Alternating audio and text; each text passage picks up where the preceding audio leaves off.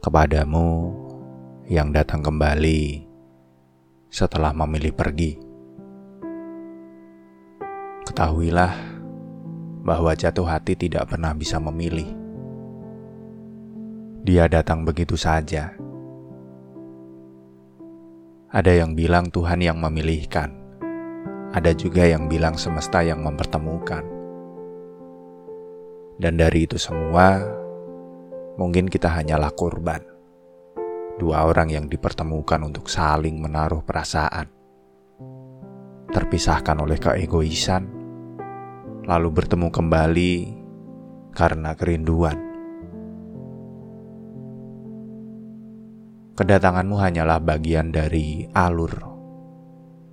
Ujung ceritanya hanya masing-masing dari kita nanti yang bisa menentukan apakah kebahagiaan ataukah kesedihan.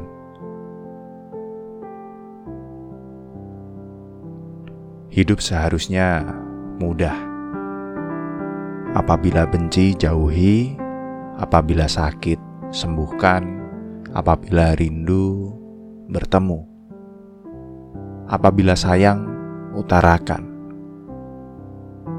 Sayang sekali kita berdua memilih jalan yang sulit Mungkin kita sedang mengembangbiakan ego, sehingga kita enggan untuk berkata saling membutuhkan. Mungkin suatu saat, jika waktunya tiba, ego itu akan menjadi anak durhaka yang menyakiti ketika sudah tumbuh dewasa. Mungkin ego itu akan menjadi senjata makan tuan yang siap membunuh segala perasaan menghasilkan sejuta penyesalan karena perasaan yang enggan untuk diungkapkan. Aku tidak pernah menyangkal kalau ada sedikit keinginan untuk membangun kembali apa yang sudah kandas di masa lalu. Aku ingin sekali mendapatkan kesempatan itu, bahkan walau hanya sekali saja. Tapi ada ketakutan dalam benakku jika aku tidak pandai memanfaatkan itu, lalu mengulangi kesalahan yang sama, kesalahan yang menghancurkan kita di masa lalu. Apakah benar bahwa beberapa perasaan memang harus dibiarkan menjadi rahasia? Apakah tepat untuk menyimpannya, tidak mengutarakannya, lalu hanya disyukuri keberadaannya? Aku bertanya-tanya, apa yang ada di dalam batok kepalamu?